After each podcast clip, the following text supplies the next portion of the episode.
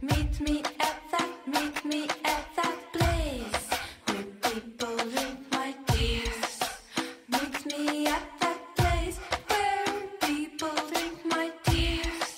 The Kunst is lang, met Luc Hezen. Welkom bij Kunst is Lang, het interviewprogramma over hedendaagse beeldende kunst in samenwerking met online kunsttijdschrift Mr. Motley. Je hoort ons natuurlijk elke woensdagavond bij Amsterdam FM of in je eigen podcast, maar je ziet ons ook bij Palmando, 24 Culture, digitale cultuurzender. En die is te vinden op internet, maar ook via de digitale boxen van KPN, Access for All en Telfort. En eh, ja, dan zitten we zomaar hier eh, bij Vijfhuizen, Kunstfort bij Vijfhuizen. Wat is het voor locatie, Sipora Elders? Jij bent de artistiek directeur. Ja, eh, het is een, eh, inderdaad een hele bijzondere locatie. Het is een oud 19e eeuws fort eh, dat sinds 20 jaar ook als kunstruimte gebruikt wordt. En dat is hedendaagse kunst. Wat, in wat voor tentoonstelling zitten we nu? We zitten nu in de tentoonstelling van Erik Andriessen. Dat is een schilder die vooral in de jaren 80 en 90 actief was en, en is overleden helaas op jonge leeftijd. Maar het is een ontzettende icoon in de, in de geschiedenis van de Nederlandse schilderkunst. Wat maakt hem zo goed? Eh, nou, van alles. Maar eh, ik vind het een hele sterke schilder. En je ziet tegelijkertijd dat hij een ongelooflijke kennis en ook liefde heeft voor de geschiedenis en de onderwerpen van de schilderkunst. Dus hij past heel erg in zijn tijd, de energie van de jaren tachtig. Maar ehm, je voelt ook de macht en de kracht van de, van de hele schilderkunstige traditie. Ja, ik zie skeletten, maar ik zie ook bloemen. Hele, echt de uiterste, hè? de dood en, eh, en een heel mooi leven. Ja, de vergankelijkheid, denk ik. Maar ook de kracht van de vergankelijkheid en vooral de kracht van de natuur. Heel mooi. Nou, laten we mensen uitnodigen om te komen kijken. Dankjewel. Iedereen is welkom. Mijn gast van vandaag is Job Koelewijn. Hij maakt heel diverse poëtische installaties die vaak met meerdere zintuigen spelen. Denk aan een eh, muur vol babypoeder of een eh, stempel van Vicks Vaporub. Weet je wel, dat groene vieze spul wat je, je, je adem helder maakt. Of een vloer vol spaghetti waar je op kan lopen. Maar misschien zijn belangrijkste tour de force is wel zijn ongoing reading project. 45 minuten elke dag leest hij een boek in op een cassettebandje en dat luistert hij weer terug. Al meer dan 10 jaar. Job, welkom. Leuk dat je er bent. Wat lees je nu? Eh, George, George Orwell, ni- 1984. Klassieker. Dat is een absolute klassieker. Hij, eh, hij stond al heel lang op mijn lijst. Ik heb natuurlijk eh, een hele serie van boeken die op mijn lijst staan. Maar dit is eigenlijk de eerste keer met deze, dat ik deze roman lees. En daar vlieg je dan doorheen volgens mij, want je, je doet Spinoza, je doet Kant. Nee, nee, ik vlieg. Het heeft niks te maken met vliegen. Het is, eh, dus ik, eh, voor de toeschouwer, ik open een boek op bladzijde 1. Ik heb een cassette recorder die het opneemt, maar ook digitaal. Maar het heeft niks te maken met vliegen, het heeft juist te maken met intensiteit. Dus ik, le ik lees eigenlijk alleen 's ochtends. Maar bij wijze van spreken, ik trek mijn trainingspak aan. Ik overleg met mijn commandanten, linguïstiek en semantiek. En dan met de soldaat over punten en komma's en uitroeptekens. Maar het is vooral, het is verslinden. Dus heel veel zinnen lees ik twee of drie keer. Nee, het is werklezen. En ook als het een roman is, want ik kan me voorstellen dat die taal makkelijker is. Nou, eh, een van de redenen waarom ik bijna geen romans heb in, die- in die serie, ten eerste, eh, dat geeft een soort ontspanning. En dat mag niet. Want het moet, als het, als het leuk wordt of ontspanning, dat, dat is niet de bedoeling. Dus het moet eigenlijk, eh, een boek is eigenlijk voor mij alleen interessant als het in wezen iets boven mijn niveau ligt. Want dat betekent dat ik eh, alle zeilen bij moet zetten. En een romanschrijver, zelfs de grote Dostoevsky, die heb ik vroeger gelezen, niet hardop. Als je hem op verschillende. Maar zelfs hij is heel veel letters en inkt kwijt aan het omschrijven van de karakters. En vind je dat vers- verspilling Ja, eigenlijk? ik vind, nu vind ik dat verspilling, want ik wil, ik wil inhoud. En wat ik, eh, dus Nietzsche, Spinoza en Immanuel Kant, op regel 1 zetten ze het wapen op scherp. Ja. En ze beginnen gelijk te schieten. En dat, ja, daar ben ik verslaafd aan. En waarom doe je dit? Je zei het al, je, je geest misschien scherper, maar... Nou, het heeft ook een, het heeft een aanloopperiode dat ik altijd al eh, boeken las als kind en nooit, nooit in de kunst dacht. En, eh, en dat was eigenlijk een soort houvast in mijn leven. Niet, niet dat ik dat bijzonder vond, maar de, de ene kind doet dit, de andere kind doet dat. Dus lezen was voor mij een, eh, een soort van zelfsprekendheid. En eh, ja, later ga je, je bent begonnen met de jongens van de Chameleon, Pietje Bel. En heel langzaam werd het dan uitgebreid. En eh, pas toen ik naar de kunstacademie ging, ik heb geen culturele achtergrond, toen raakte ik een beetje beïnvloed door het modernisme. En toen dacht ik, ik moet mijn leesproces reconfigureren. En, ja, dat woord was dan een beetje... Dus ik, had ik vijf boeken, sloeg, sloeg ik dan open, op verschillende pagina's. En dan was ik sprong ik van het ene citaat naar het andere. Als soort van postmoderne samen, Ja, samenkomsel. want het postmoderne was in die tijd. Ja. Maar ook dat ik steeds van fragment naar fragment, zoals, zoals ik eigenlijk ook eh, tv kijk, zeppend. Ja. En dat heb ik eigenlijk jaren gedaan. En eh, afwisselend was dat goed, afwisselend was dat slecht. Maar op 1 februari 2006 zei ik, het allermoeilijkste wat jij nu kunt doen, want dat heb je al tien jaar niet gedaan, een boek openslaan. En het hele boek uitlezen. Ja, ja, En toen ben ik het ook gaan tapen. En ik denk, ik ga elke dag, ik ga elke dag lezen, 45 minuten de zijde van een cassettetape. Ik schrijf het op de volgende dag verder. Dus op 1 februari begon ik. Op 2 februari had ik natuurlijk al niet gelezen, want zo gaat het. Oh ja. Dus dat heeft ongeveer vier boeken geduurd. En toen ik het boek van Hans-Jurgen Albrecht, dat is het Interviews deel 1, Hm? Dat zijn 996 bladzijden. Toen ik dat boek uit had, toen was ik over het dode punt heen. Oké. Want vroeger als ik een dik boek zag, zoals zoveel mensen, dan denk ik, jij, wat een kluif zeg, hoe moet ik daaraan beginnen? Maar ik heb nu het hele proces omgedraaid, omdat ik maar drie kwartier lees, maakt het boek eigenlijk niet uit of het dik of dun is. Nou sterker, ik heb eigenlijk liever een dik boek, want als wij uren met elkaar spreken, dan kom ik meer, meer te weten. Ja. Dus, dus jij hebt eigenlijk voor jezelf een soort van life hack, zouden ze dat tegenwoordig noemen. Dus je hebt een manier gevonden om iets, iets moeilijks te tackelen. eh, en, en daar toch iets waardevols uit te halen door het in gelijke porties te verdelen. Ja, en, eh, en na twee jaar begon ik ook te beseffen dat eh, het was een uiterste mechanische beslissing, want niemand hoeft dat te doen. Maar een, een mechanische beslissing hoeft niet noodzakelijkerwijs tot afstomping. Want ik doe het nu elf jaar en die mechanische beslissing geeft mij enorm veel energie En kennis. En kennis. Want later begon ik, eerst luisterde ik niet terug, maar ik begon steeds meer terug te luisteren. En, eh, in het begin is dat een beetje gek om je eigen stem terug te luisteren. Ja. En wat me ook opviel, ik denk dat ik een stuk of twintig audioboeken heb van de echte uitgevers, van Pingwing. En, eh, en wat, wat me opviel, dat uh, want Dostoevsky is verschillende keren ingesproken door bekende auteurs. Of, Voorleesstemmen. acteurs. Job Cohen bijvoorbeeld. nee, maar wat, me- wat me opviel, dat die mensen uiterst mechanisch lezen. Want ik lees zeg maar homemade, Hm? dus ik kuch, ik zeg zinnen drie keer, ik zeg prachtig. Maar bij die, bij die boeken, je hoort nooit het geluid van de bladzijde. Je hoort eigenlijk nooit geen emotie. En sterker nog, vaak als je de boeken afluistert, gaan mensen sneller lezen. Want soms hebben ze een contract van 20 uur. Dat is verschrikkelijk, als je erover nadenkt.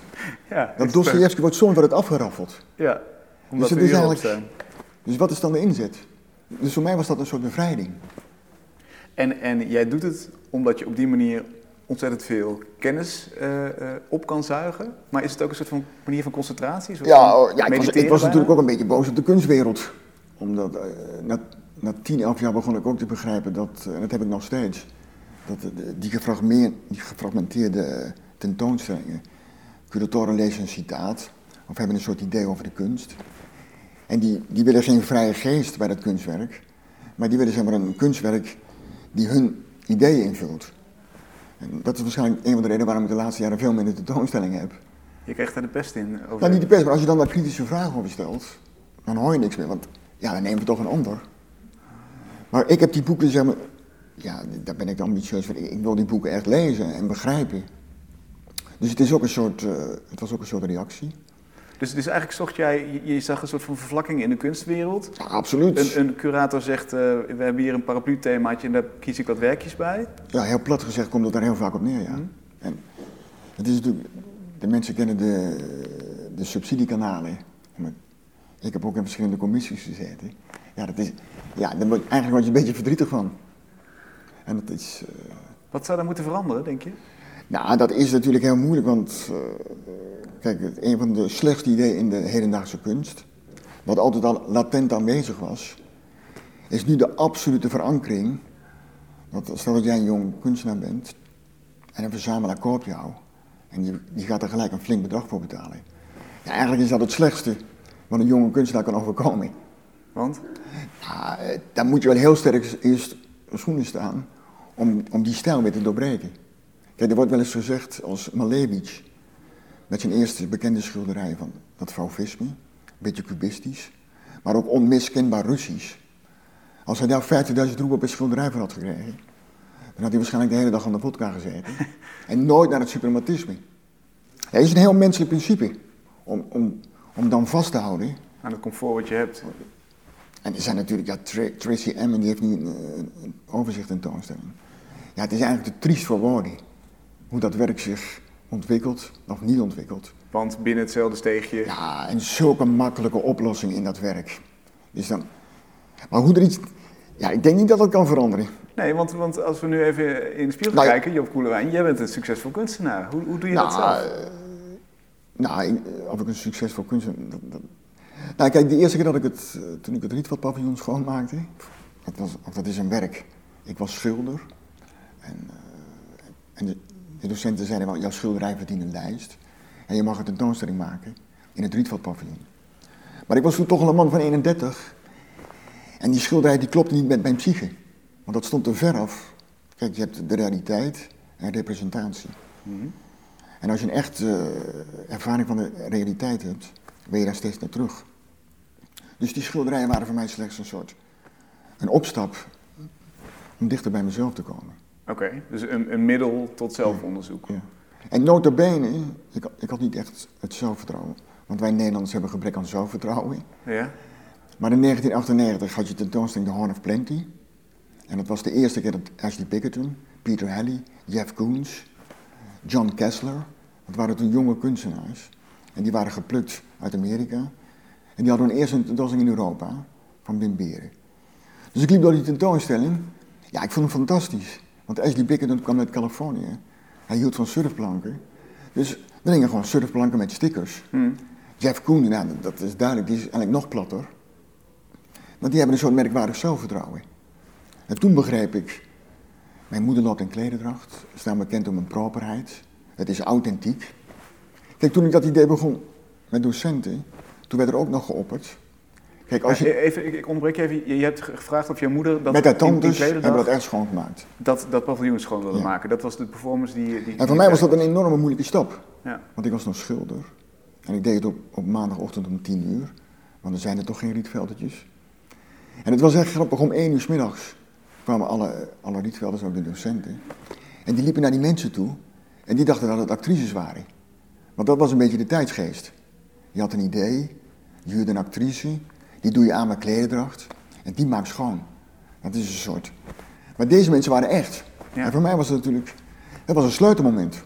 En daar bedoel jij het verschil tussen representatie en, en echtheid? En dat is, je hebt nu bijvoorbeeld bij Fonds gezien, dat ik, eh, ik weet ook wel als ik die dingen iets groter maak op papier in een lijst, dat ik die dingen verkoop. In Fonds Welters heb jij nu een tentoonstelling. Daar zien we allerlei eh, spreuken en, en geometrische patronen die je eigenlijk kent van het, van het basisschool tekenen, van die mandala's die je maakt in plastic foompjes. Heb jij levensgroot op de muren gedaan daar. En natuurlijk niet te verkopen, want ze staan op een muur. Ja, dus die, je, je kan zo'n mouw kopen en, eh, en je kan eigenlijk, als je die mouw koopt, kun je die tekening continu opnieuw maken. Ja. Dat is een beetje het idee. Maar wat, je, maar wat je inderdaad wilde zeggen is, ik, ik, ik maak ze niet op papier. Eh, het gaat mij om... De ervaring zelf. Precies. Ja. Kijk, die, die vijf teksten, dat is er eentje van Spinoza, eentje van Lao. Dat zijn eigenlijk mystieke teksten, die staan al buiten de tijd. En een mantra, ik- ik ben ook 30 jaar beïnvloed door het Oosterse denken. En een positieve mantra, of een tekst van Boeddha, die heeft alleen zijn genezende werking als je hem constant herhaalt. Hm. Dus de, de herhaling wat je ziet in de galerie, je hebt zeg maar de mal, en de herhaling roept ook een effect op, maar het heeft ook betekenis, dat die zin continu herhaald wordt. En eigenlijk, we, we kwamen hier vanwege de vraag... Die eh, boeken, Precies, wat, wat, wat, wat doet kunst jou? Hè? En, en als je in de spiegel kijkt, eh, ja, als je eenmaal succesvol kunstenaar bent, is het makkelijk om op dezelfde weg door te gaan. Jij zegt dat doe ik niet. Ik volg mijn eigen Instinct. ontwikkeling, instinct. Ja, de- de- toen ik op het uh, Rietveld zat, las ik ooit een artikel van Samuel Beckett. En, en die zei iets heel moois, wat ik eigenlijk helemaal geassimileerd heb. Hij zei van, mijn werk is niets anders dan een waarheidsgetrouwe vertaling van mijn artistiek denkproces. Kijk, het is leuk om te zeggen op de Rietveld of als je jong bent. Het wordt interessant als mensen geld gaan bieden om dat te ondermijnen. Hoe je dan reageert. Dat is interessant, toch? Mhm. En dat zie je als ondermijnen, dat vind ik ook interessant. Je kunt ook zeggen waardering. Ja, maar kijk, elke kunstenaar weet donders goed van zichzelf dat hij aan het verproductiseren is. Of dat hij zegt van. Kijk, het is ook moeilijk om elke keer. Kijk, kunst, je moet jezelf elke keer opnieuw uitvinden. Ja, er komen 200 mensen bij Fons Welters kijken. Snap je? Dus je moet dat ook. Je moet, als je die drive niet hebt. Het is makkelijker om. Het is slimmer om, om te verproductiseren. Ja. Eh, Laten we misschien eens naar een, voorbeeld, een eerste voorbeeld daarvan gaan. Wat je ook bij Fons Welters, jouw galerie in Amsterdam, deed, is de achtermuur deels uitbreken. Ehm, dat was een best een gewaagde zet natuurlijk, ook, ook voor de galeri- galerist zelf. Maar ineens zagen wij de werkelijkheid door de, vanuit de muren van de galerie. Dat kon je nog op drie plekken in, in Europa doen. Heb je niet gedaan. Nee, nee, maar ook omdat. eh, kijk, dat specifieke werk. Ja dat, eh, ja, dat heeft toch. Kijk, ik ben tot de kunst gekomen niet omdat ik goed kon tekenen, maar door, door een auto-ongeluk. Ik heb lang op in intensive care gelegen. En ik ben anderhalf jaar uit de werkelijkheid geweest. En het gekke. Ik was natuurlijk verlamd, maar het gekke toen ik terugkwam in de realiteit. Ik was geen gebroken man, maar het was meer van. Jezus, wat een fantastische energie ervaar ik. Dus voor mij was dat een heel gek. De werkelijkheid was niet veranderd. Je, je, bent het leven anders gaan zien na dat ongeluk. Nou, dat, is, dat, is, dat klinkt nog veel te zwaar. Maar het is meer van de energie die uit dingen voortkomen. Dus een boom. Plotseling zag ik een boom. En een boom heeft iets onzegbaars. En voor mij, ik kan het, het, is, het heeft niks intellectueels. Maar ik zat heel dicht bij een soort primaire ervaring. Van, eh tja, is het, dat is de energie. En om een voorbeeldje te geven. Toen ik, eh, toen ik later in een rolstoel zat, en toen kreeg ik ergotherapie. En ik, ik wist niks van kunst. Maar op dinsdagmiddag op ergotherapie zei ik, godverdomme. Want ik kon, ik kon alleen mijn hand, er zat aan een potlood. Ja. Ik ga mezelf vandaag uit de rolstoel tekenen. Transcenderen, zoals een moment van epifanie. Dus ik was als het twee het tekenen als vuur. En, eh, en plotseling zei oh wat een mooie tekening. En eh, ik was eigenlijk niet geïnteresseerd in de tekening. Toen kwam de, de broeder, maak de volgende week voor mij ook eentje. Ik zei, ja, dat is geen probleem. Dus twee weken later wilde ik weer, maar toen, toen was de geest al uit de fles. En toen wist ik nog niks over kunst, of over de grammatica, maar dat moment was al weg. Dus, en dat zit eigenlijk, dat was al het zaadje. Kijk, als ik bijvoorbeeld weet dat ik iets schoon ga maken, ja, dat, dat is werk. Dat, dat, dan voel ik een soort plagiaat van mijn psyche. En ja, voor mij is dat heel sterk. Maar misschien omdat ik die, die echte ervaring. Dus dat gat in de muur bij Fons. Ja, ik heb iets weggehaald. Maar ik heb alleen iets weggehaald, maar de werkelijkheid bleef hetzelfde. Maar toch hadden mensen die ervaring. Maar het is, dat heeft daarmee te maken. En Ja. dat is er altijd. Al 22 jaar, dat blijft. Dus, dus het gaat jou om dat, dat ene moment waarop, waarop, eh, waarop het allemaal samenvalt. En niet om het product wat daaruit rolt. Nou, na- natuurlijk ook, want eh, eh, het is natuurlijk ook een esthetisch werk. Het is eh, zo groot als een voetbaldoel. Kijk, het is natuurlijk, het zou te makkelijk zijn als ik zou zeggen, ja, ik heb een ervaring. Ja, dit is het. En zo werkt het. Nee. Je moet, het is ook de grammatic en, en de energie om dat over te brengen. Ja, dat, dat, is het, dat noem ik het kunstenaarschapvak. Anders zou het te gemakkelijk zijn. Ja, je, je moet jouw eigen ervaring moet je verbinden met iets wat andere mensen ook kunnen begrijpen Ja, en en, en je moet ook slim zijn in je keuzes. Ik vind dat, dat, dat kunstenaars dat ook wel een beetje onderschatten. Dat je, kijk, we, we gaan al 30, 40 jaar mee en we hebben aardig wat gezien. En we hebben ook aardig wat goede schilderkunst gezien. Mhm. Dus ja, ik verhoud me daarmee met wat er beeldend is. Ja. Dus, En, en, en wie onderschat dat, zeg je? nou, over het algemeen. in- Kijk, er wordt nu zo het accent op, op jonge kunstenaars, of er dan weer een nieuwe stijl is. En het is eigenlijk stilistische innovatie. Dat heeft Man Ray, Man Ray ook gezegd van, eh, no progression in art, only different ways of doing. Ja. En ik, ik loop nu 22 jaar mee. En, dus we zitten een beetje gevangen in onze eigen mechanismes. Maar hoe, hoe komen we daaruit? Wat, wat is de, Nou, de, de enige vernieuwing kan niet van de verzamelaars komen en ook niet van de, van de curatoren. Alle, alle vernieuwingen, dat moet toch van de kunstenaar komen. Ja. Maar die, ja, dat is moeilijk. En dat heeft misschien ook tijd nodig. Als je het al wil. ja. Die vernieuwing moet van de kunstenaars komen. En Sta, sta je op met die opdracht elke ochtend? Ja, nee, nee, want ik, ik, ben, ik voer geen opdracht, want ik ben de hele dag aan dromen. Kijk, de laatste vijf jaar zit ik zo op de souplesse. Kijk, ik, ik heb echt niet de pretentie dat ik de, de kunst... Zo werkt het niet. Maar ik kan wel een soort... eh, ja, ieder mens zoekt toch, je zoekt naar een soort rechtvaardigheid voor je bestaan. En in mijn kunstenaar bestaan. En ik ben een beetje verslaafd aan. eh, ik ga nou geen. Ik heb vijf van die panelen gemaakt. Ja, weg ermee. Ik ga die. Die, die tekst hebben een functie. Ik ben nu alweer met andere dingen. Ik ben dus steeds nieuwe dingen ontdekken. En dus, dus de kunst is het middel tot zelfonderzoek, tot, Ja, tot absoluut. zelfexpressie. Het is, het is ook een beetje cliché, maar. Maar het is wat interessant. Kijk, om vijf jaar ergens in te geloven. Ja, dat kan elke kunstenaar wel. Mhm. Maar om, in, om in, in een periode van 20, 30 jaar ergens in te geloven. En niet dogmatisch te worden. Want dat is ook vervelend, toch? Ja. Ik ken oudere kunstenaars. Die zijn erg stroomvervelend. Want die hebben een stijl. Of dit is van mij. Kijk daar naar de natuur. Waar zit die stijl? Ja. Dus voor mij is dat toch. eh, ja, het is jammer dat die. Ik weet niet of de, de luisteraars dat werk kennen.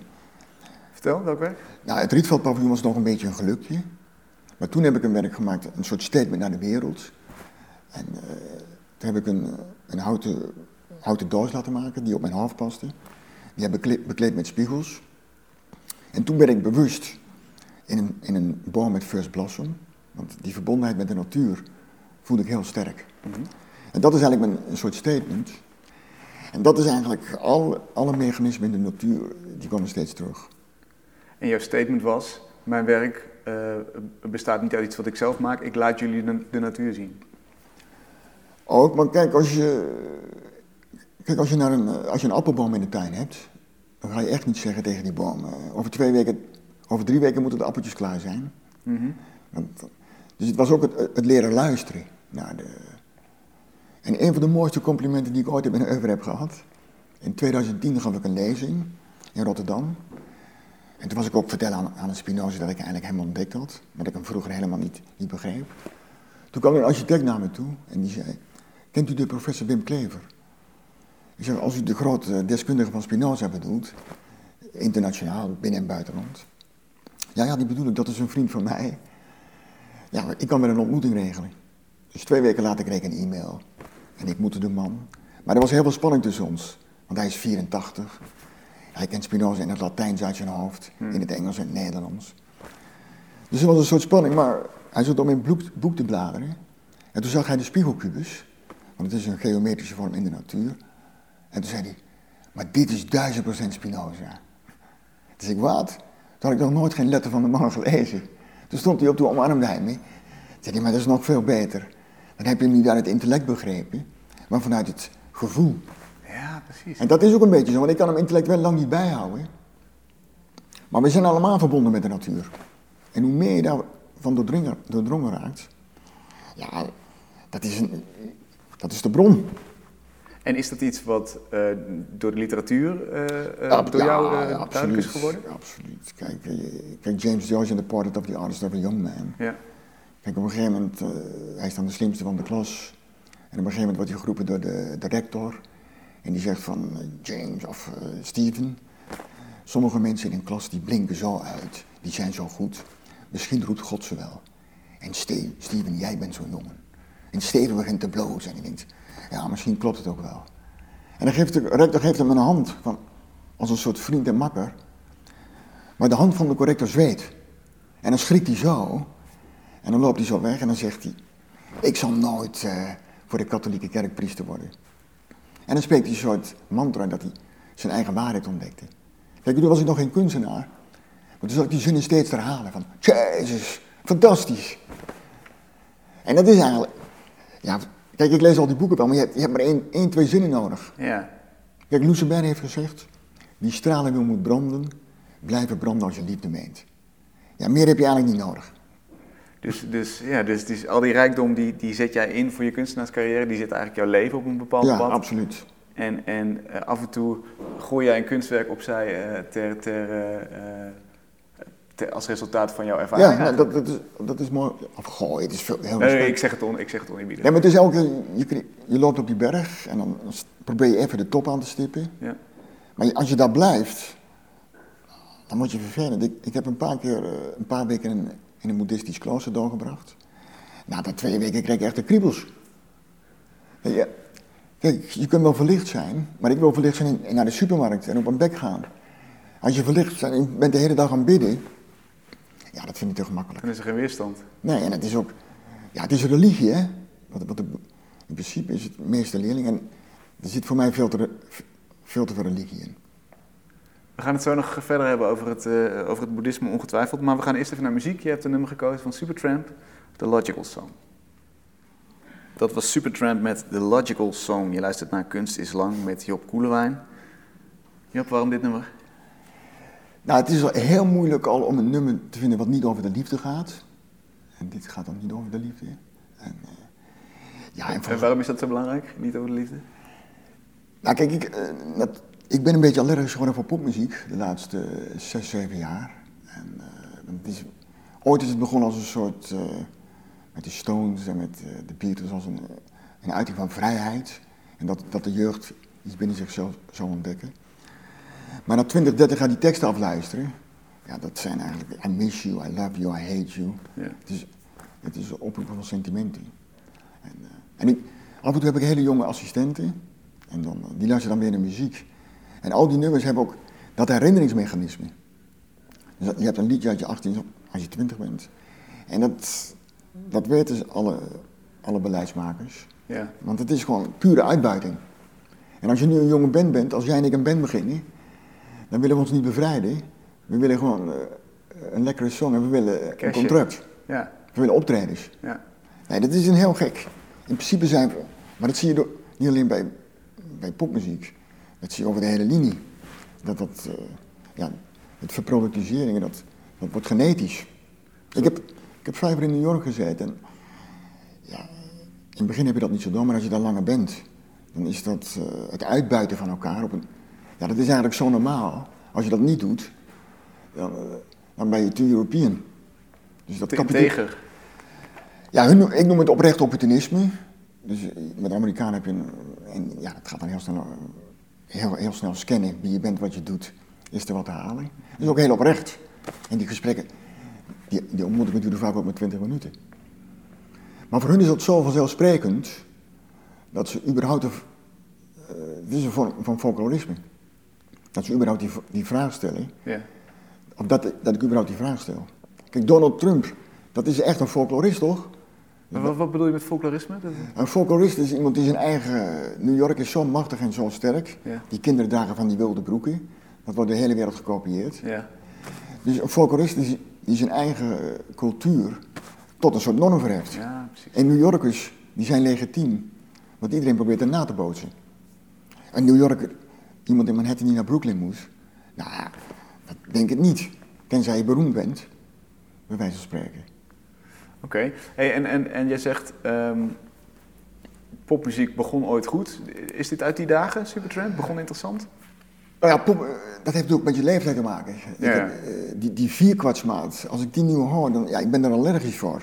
Ik, ik, maar dat is natuurlijk, ik heb er eerst, om er allergisch voor te zijn, moet je er eerst mee doordrongen zijn. Ja. Maar de Stones, ik, tot aan You, kocht ik alle LP's. En toen liep het nog vrij congruent met hun psyche, met hun drugsgebruik en met... Maar op een gegeven moment gaan ze als... Als, als ik nu als 45 jaar een liedje ga zingen over meisjes eh, bij het strand in bikini... Ja, volgens mij heb ik dan iets gemist, toch? Dan weet je dat het niet meer klopt. Ja, dan weet je dat het niet meer klopt. Ja. Op je twintigste is dat legitiem. Ah, oké. En goed, je kunt zeggen, de, de commissie heeft zich aangepast aan de, aan de Stones. En, eh, maar dat- dit is maar een voorbeeldje. Maar Supertramp, ik was eigenlijk al te jong toen. Maar die liedjes hebben nog een soort inhoud. Dat je soort, eh, die kunnen nog een soort betekenis eh, genereren.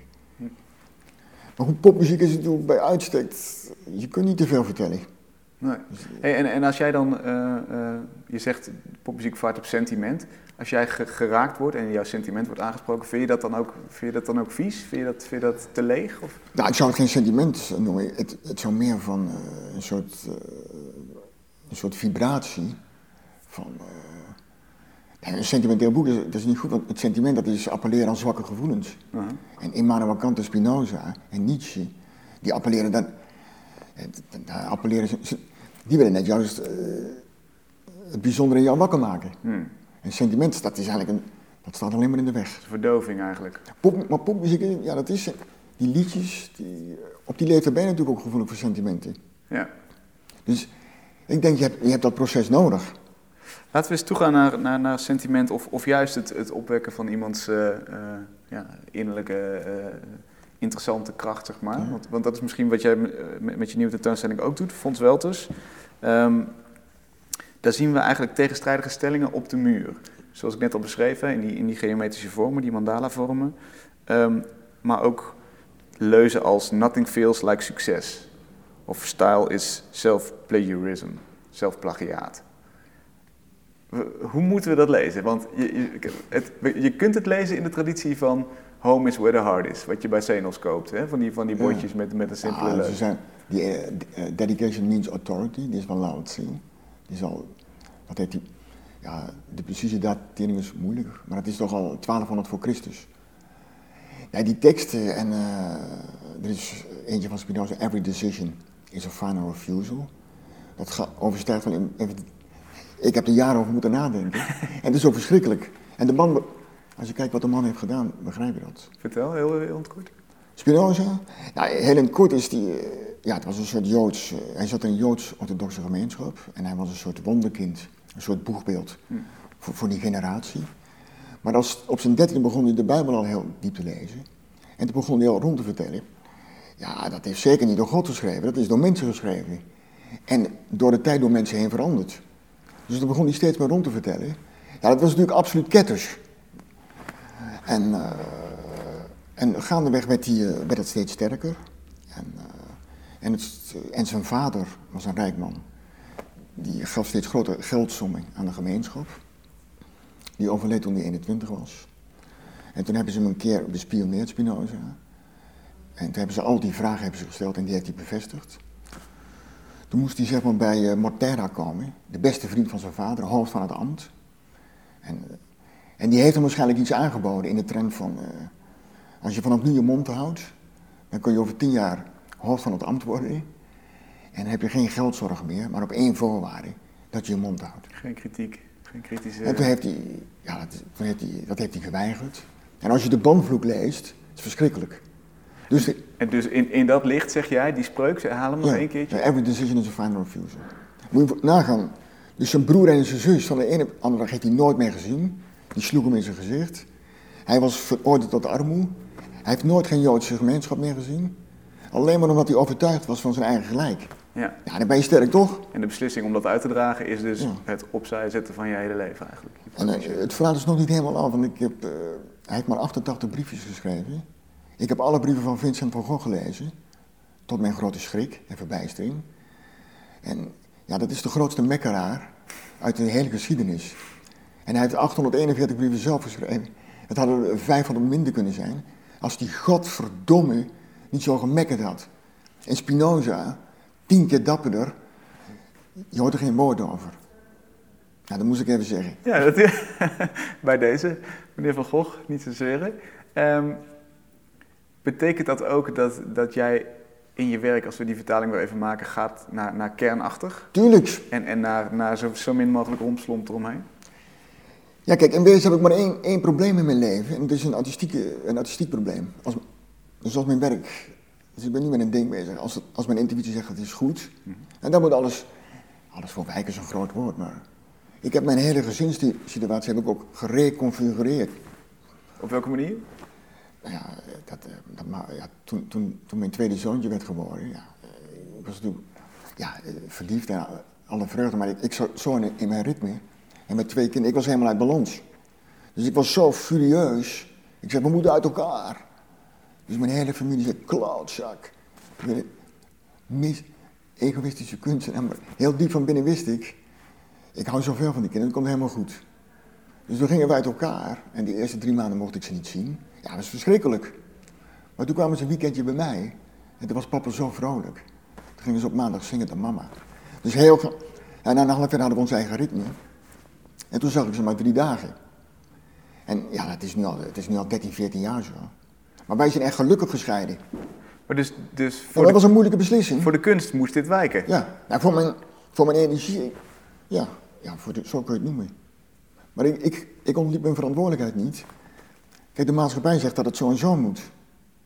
Maar wij hebben eigenlijk een fantastische constructie. En mijn kinderen kennen alleen een blije papa. Die ze anders niet hadden gehad als, Nou, als en dan jij... was ik veel gefrustreerder, want eh, kijk, ik ben nu vier dagen intens aan het werken en als ze dan komen, ja, nu zijn ze ouders nog weer makkelijker. Maar we deden alleen maar leuke dingen.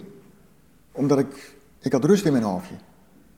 Maar dat had ik niet gehad als ik ze el- elke dag gezien had. Dus dat was eigenlijk een goede beslissing, toch? Nou ja, dat kan ik niet voor je beantwoorden, maar zo- zoals jij het nu Nou, voor mij verantwoordt wel. Ja, natuurlijk, ja. Duizend procent. ja.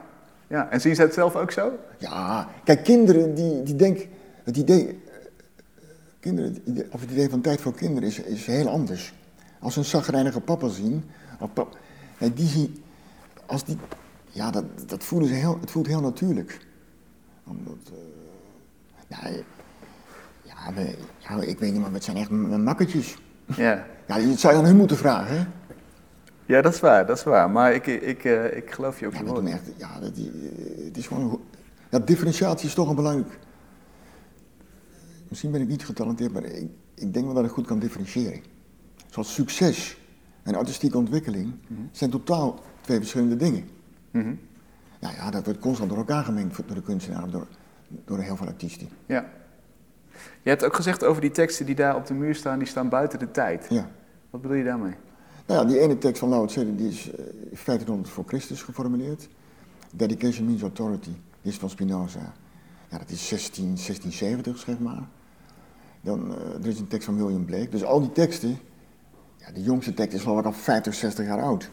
Dus die teksten hebben zich al bewezen. Hmm.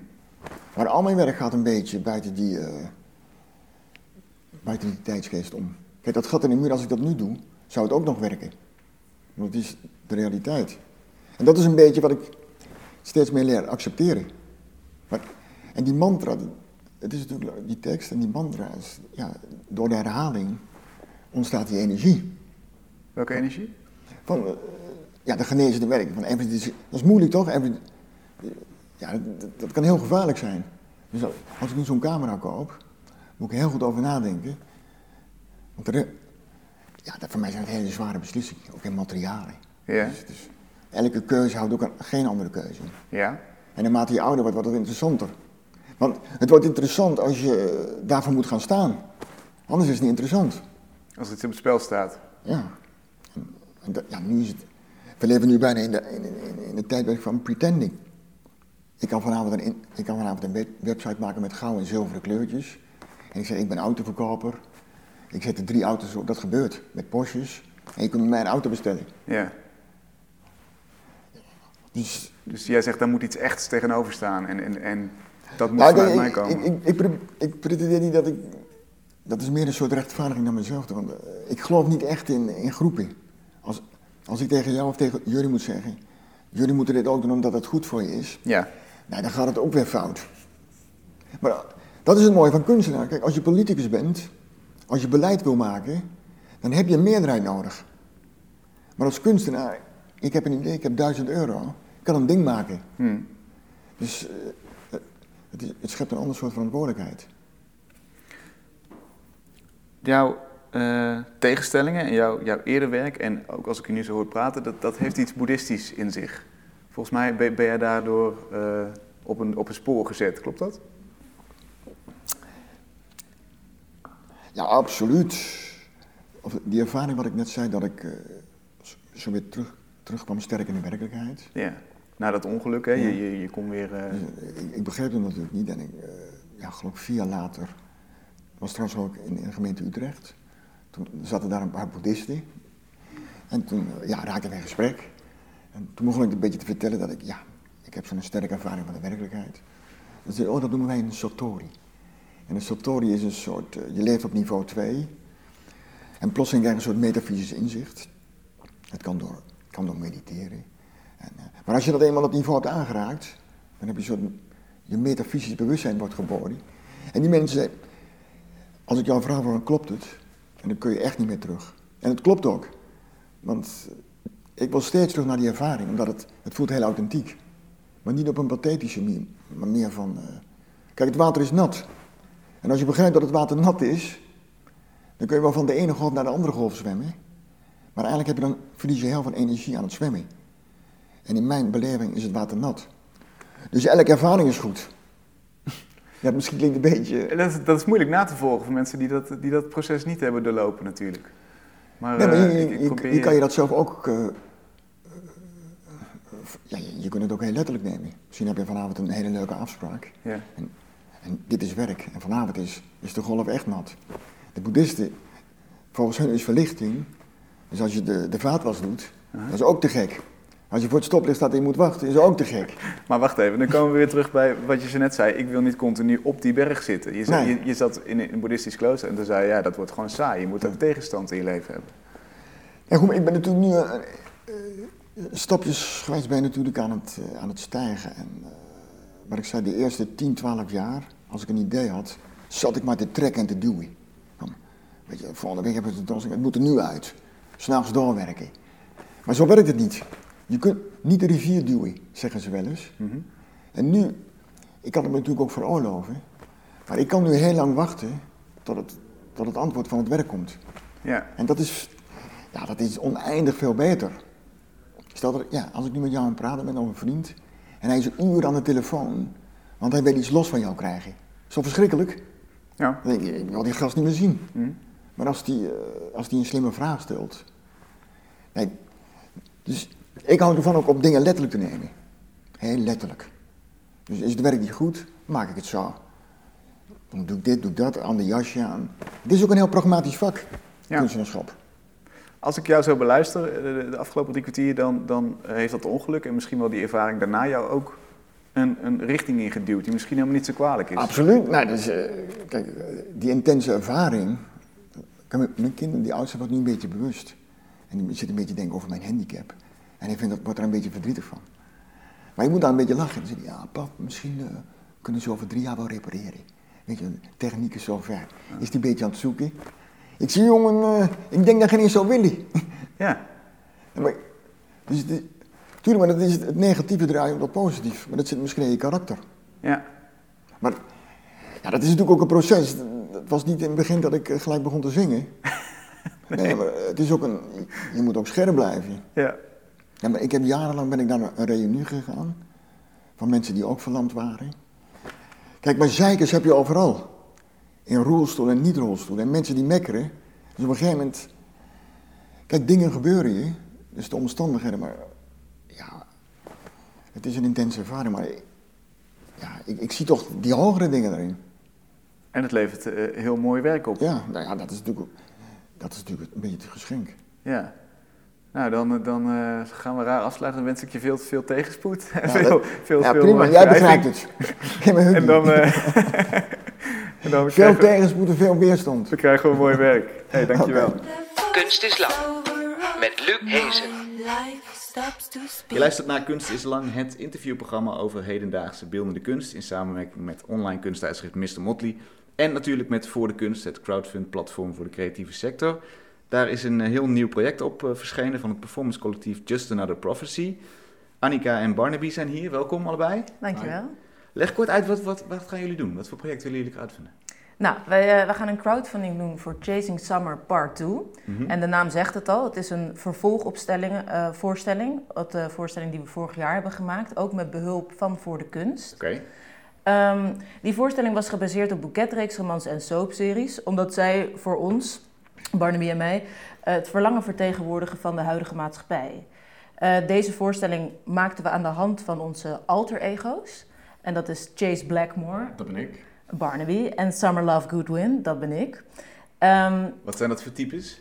Ja, Ja. Chase Blackmore is een eh, wereldberoemde popster. En Summer Love Goodwin is een rijk meisje die eigenlijk actrice wilde worden, maar niet mag van haar vader, dus stripster is in een club. Ja, en, eh, en die leven dan ook in de Ultra City, waar iedereen ultra jong, ultra rijk en ultra famous is. En eh, met part 2 laten we eigenlijk nu Ultra City en, en die hele fictieve wereld die we daar gecreëerd hebben achter ons.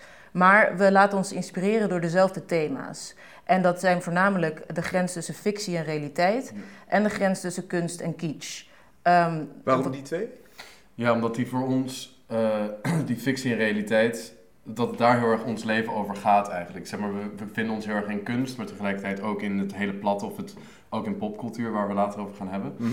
Ehm, en fictie en realiteit, van hoe vormen we de realiteit? Waar worden onze verhalen die we bedenken of onze fantasieën, hoe zetten we die in en wordt dat uiteindelijk de realiteit? Dus daar willen we ons heel erg mee bezighouden. En daar ging die vorige voorstelling over en nu gaan we die thema's eigenlijk nog dieper eh, benaderen. Wat, Ja. gaan we, wat gaan we zien? Ehm, nou, we gaan vier iconische hoofdstukken gaan we maken. En eh, aan de hand van, van die eh, eh, één hoofdstuk zal, laten we ons inspireren door cheerleaders.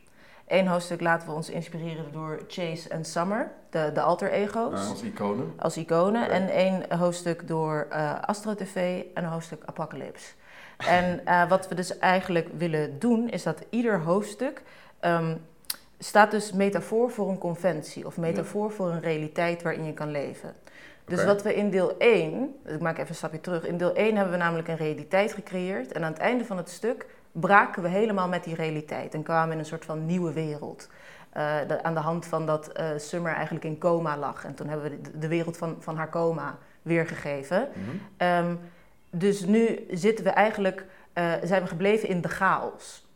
Om- In een nieuwe realiteit, een wat nog geen vorm heeft eigenlijk. En we willen die, die chaos eigenlijk vormgeven door vier hoofdstukken te structureren. En zo gaan we eigenlijk met het publiek bezig zijn met eh, hoe, wat is een conventie, hoe bespreken we conventies, hoe ervaren we een conventie en hoe zijn er andere conventies mogelijk dan dat wij hier in het, ons dagelijks leven meemaken. En, en laten we eens het voorbeeld van Astro TV nemen. Want dat is zo'n zo'n paragnostenbellijn die eh, Ja. eh, totale onzin lijkt mij. Ja, Hoe, nou ja, hoe, wat- hoe gaan jullie daarmee om? Wat we daar dus heel interessant aan vinden is juist, we waren op een gegeven moment zaten we in een hotelkamer, toen waren we s'avonds laat Astro TV aan het kijken. En wat we dus zo interessant eraan vonden is dat het super plat is, zeg maar. Die, die vrouwen zitten in een soort van Xenos eh, studio met een lampje en ze worden gebeld aan, aan, aan de telefoon en dan gaan ze, een, weet je, gaan ze de toekomst voorspellen. En je neemt het niet serieus, want je kan het niet serieus nemen, want je zit in zo'n studio. Maar tegelijkertijd, wat ze zeggen, kan soms wel echt waar overkomen. Of is misschien echt waar. En we, Mhm. we zeggen de hele tijd van, dat is onzin, dat is nep. Maar tegelijkertijd, de mensen die ze aan de telefoon hebben, kunnen daar echt door geholpen worden. Of zelfs als kijker en je, je hoort het, dan zeg je, oh my god, ze zegt daar wel echt iets heel Dieps. heel dieps en heel echts. Maar tegelijk, maar, en dat vinden we interessant. Van, je kan het niet serieus nemen, maar tegelijkertijd, wat als je het nou wel serieus neemt? Ja. Wat doet dat dan? Want er zit daadwerkelijk ook inhoud in. En dat gaan is. jullie verkennen in, in, in één zo'n hoofdstuk. Precies. Op En- wat, op wat voor manier? Hoe, Nou, hoe doe je dat? Nee, ja, dat- we willen, bij Astro TV is het, willen we eigenlijk echt teruggaan naar dat we onze eigen krachten daarin gaan ontdekken. Eigenlijk proberen, dat is nu het idee, om eh, echt voorspellingen te doen met het publiek. En te kijken in hoeverre we dat kunnen en in hoeverre niet. In hoeverre kunnen we iemand overtuigen dat het, dat het waar is. Oh, ja. En in hoeverre ziet iedereen dat het waar is, ja. of niet. Dus zeg maar, wat, we interessant vinden, is, is eh, als jij ervan overtuigd bent dat iets echt waar is, dan is het ook echt waar in jouw ja, belevingswereld. dan heeft het effect voor jou. Precies. Maar nou doen we dit, dat doen we dus op kleine schaal constant in ons dagelijks leven. Maar dit doen we ook als collectief. En dan heb ik het over als maatschappij. Maken we ook conventies, gedachtegoed. Eh, Mhm. dat doet de media. Die, die is ook enorm bezig met onze perceptie en onze beeldvorming. Geef eens een voorbeeld. Ehm, nou, eh, letterlijk eh, van eh, eh, hoe we eruit moeten zien. Hoe we een gelukkig leven leiden. Wat goed voor je is. Wat gezond eten is. eh, wat, eh, eh, maar ook eh, bijvoorbeeld eh, wat, wat het nieuws weergeeft over de situatie, de situatie in het Midden-Oosten. Dat beïnvloedt ontzettend. eh, eh, eh, eh, of als we kijken. Ja, Ja. ik ga Zeg maar, toch- media, media schept, een soort, schept een kader. Ja. Wat wij vervolgens, dat kader, dat, dat nemen wij aan als realiteit. En vervolgens wordt de kader die de media schept, dat is ook eh, natuurlijk het hyperrealisme, wordt de realiteit. Terwijl dat kader in zichzelf eigenlijk al een illusie of een suggestie was. ja, of in ieder Ja. geval een keuze uit. Een keuze Precies. uit heel veel verschillende... Ja. Je, En- je, je zei net al, eh, hyperrealiteit. In jullie aankondigingstekst wordt dat ook aangehaald. Hè? Een, een term van eh, Baudrillard. ja. Hoe Mhm. komt die theorie voor in, in dit stuk? Kun je dat kort... Nou ja, dus eh, eigenlijk dat, dat de, de, laten wij ons inspireren door zijn theorie. En, en zien we ehm, eh, wat wij dus pogen te doen met ons werk. is eh, verschillende realiteiten neerzetten. Dus in ieder hoofdstuk willen we dus het publiek meenemen in een nieuwe realiteit. Dus in een, in een nieuwe beeldvorming die we maken. Ja. Waarin je dat als publiek zijnde dat kan geloven. Waarin je zelfs het gevoel kan hebben dat je bezocht wordt door een messias. Of dat er antwoorden naar je toe komen. Eh, Waar je vervolgens door het andere hoofdstuk, of hoe het ene hoofdstuk gaat, gaat, eh, ehm, eh, de interactie aangaat met het volgende hoofdstuk, is het een misschien niet waar? Of is het misschien allemaal waar? Want in onze filosofie ehm, kan alles waar zijn en niet waar zijn tegelijkertijd. En die kracht zien we ook in het theater. Dat we dus hier onze eigen realiteit kunnen, kunnen, ehm, kunnen neerzetten. Een Ja. nieuwe realiteit kunnen maken. En eh, het gegeven dat we allemaal in een andere realiteit leven. Dat we soms per cultuur of soms per dorp of per familie eh, in een andere realiteit geven. Dat zorgt eigenlijk voor heel veel conflict. En dat, zorgt, eh, dat, dat is in ieder geval een gegeven waar, waar we ons tot moeten verhouden. Mhm. En de wetenschap dat het voor iedereen altijd anders is. En dat er misschien wel helemaal geen waarheid is. Hoe, hoe moet het publiek naar buiten lopen in het ideale geval, wat jullie betreft? Nou ja, wat, wat we dus met eh, ook de hyperrealiteit, wat we heel erg interessant eraan vinden, is inderdaad, we nemen het kader, we geloven in dat kader, het kader wordt echt. En het kader is dan de realiteit. En waar wij heel erg mee bezig zijn met deze voorstelling, we hebben die vier iconische hoofdstukken die we dus tegenover elkaar stellen ook. Die ook tegenover elkaar kunnen staan, soms in elkaar overvloeien. Het zijn vier kaders eigenlijk. En ehm, waar we, wa- wat we willen blootleggen aan het publiek, is dat het ene kader de ander niet uitsluit, maar dat ze samen bestaan. En naast elkaar ook. Dus eigenlijk willen we het publiek de conventies tonen of Ja. laten ervaren. Ja, of want dat ze dat heel eigenlijk naar buiten gaan met: hey, Wat is mijn verhouding tot deze massacultuur? Ja. te- te- te- ja, mijn, mijn verhouding tegenover de maatschappij, mijn verhouding tegenover de pe- persoon die naast me zit, mijn verhouding tegenover deze voorstelling. Of, Ja. en, en, en, mij, en het is op een festival, het is Festival Boulevard. Eh, wat is mijn verhouding tegenover dit festival? Zeg maar dat ze meer Ja, zeg maar, daarin. parallele waarheden. Ja, parallele waarheden. Want we, Ja. zijn, we zijn mensen die multidi weet je wel, we zijn multidimensionaal in die zin van dat we meerdere percepties tegelijkertijd kunnen ervaren. Ik kan ervaren dat ik nu met jou in gesprek ben. Tegelijkertijd ben ik bezig met dat ik dorst heb, dat ik water drink. Ik ben tegelijkertijd bezig met, hey, ik en Annika zijn hier ook samen, zitten we nog op één lijn. Zeg maar, dat zijn allemaal lijnen die ik tegelijkertijd ervaar. En dat willen we eigenlijk laten zien. Het is mij helemaal duidelijk. Ja. Dankjewel. Ga naar voordekunst.nl en daar vind je eh, Just Another Prophecy. En dan kom je op jullie eh, projecten. Ja. Succes. Top. Dankjewel. Dankjewel. Wij zijn de volgende week weer. Tot dan.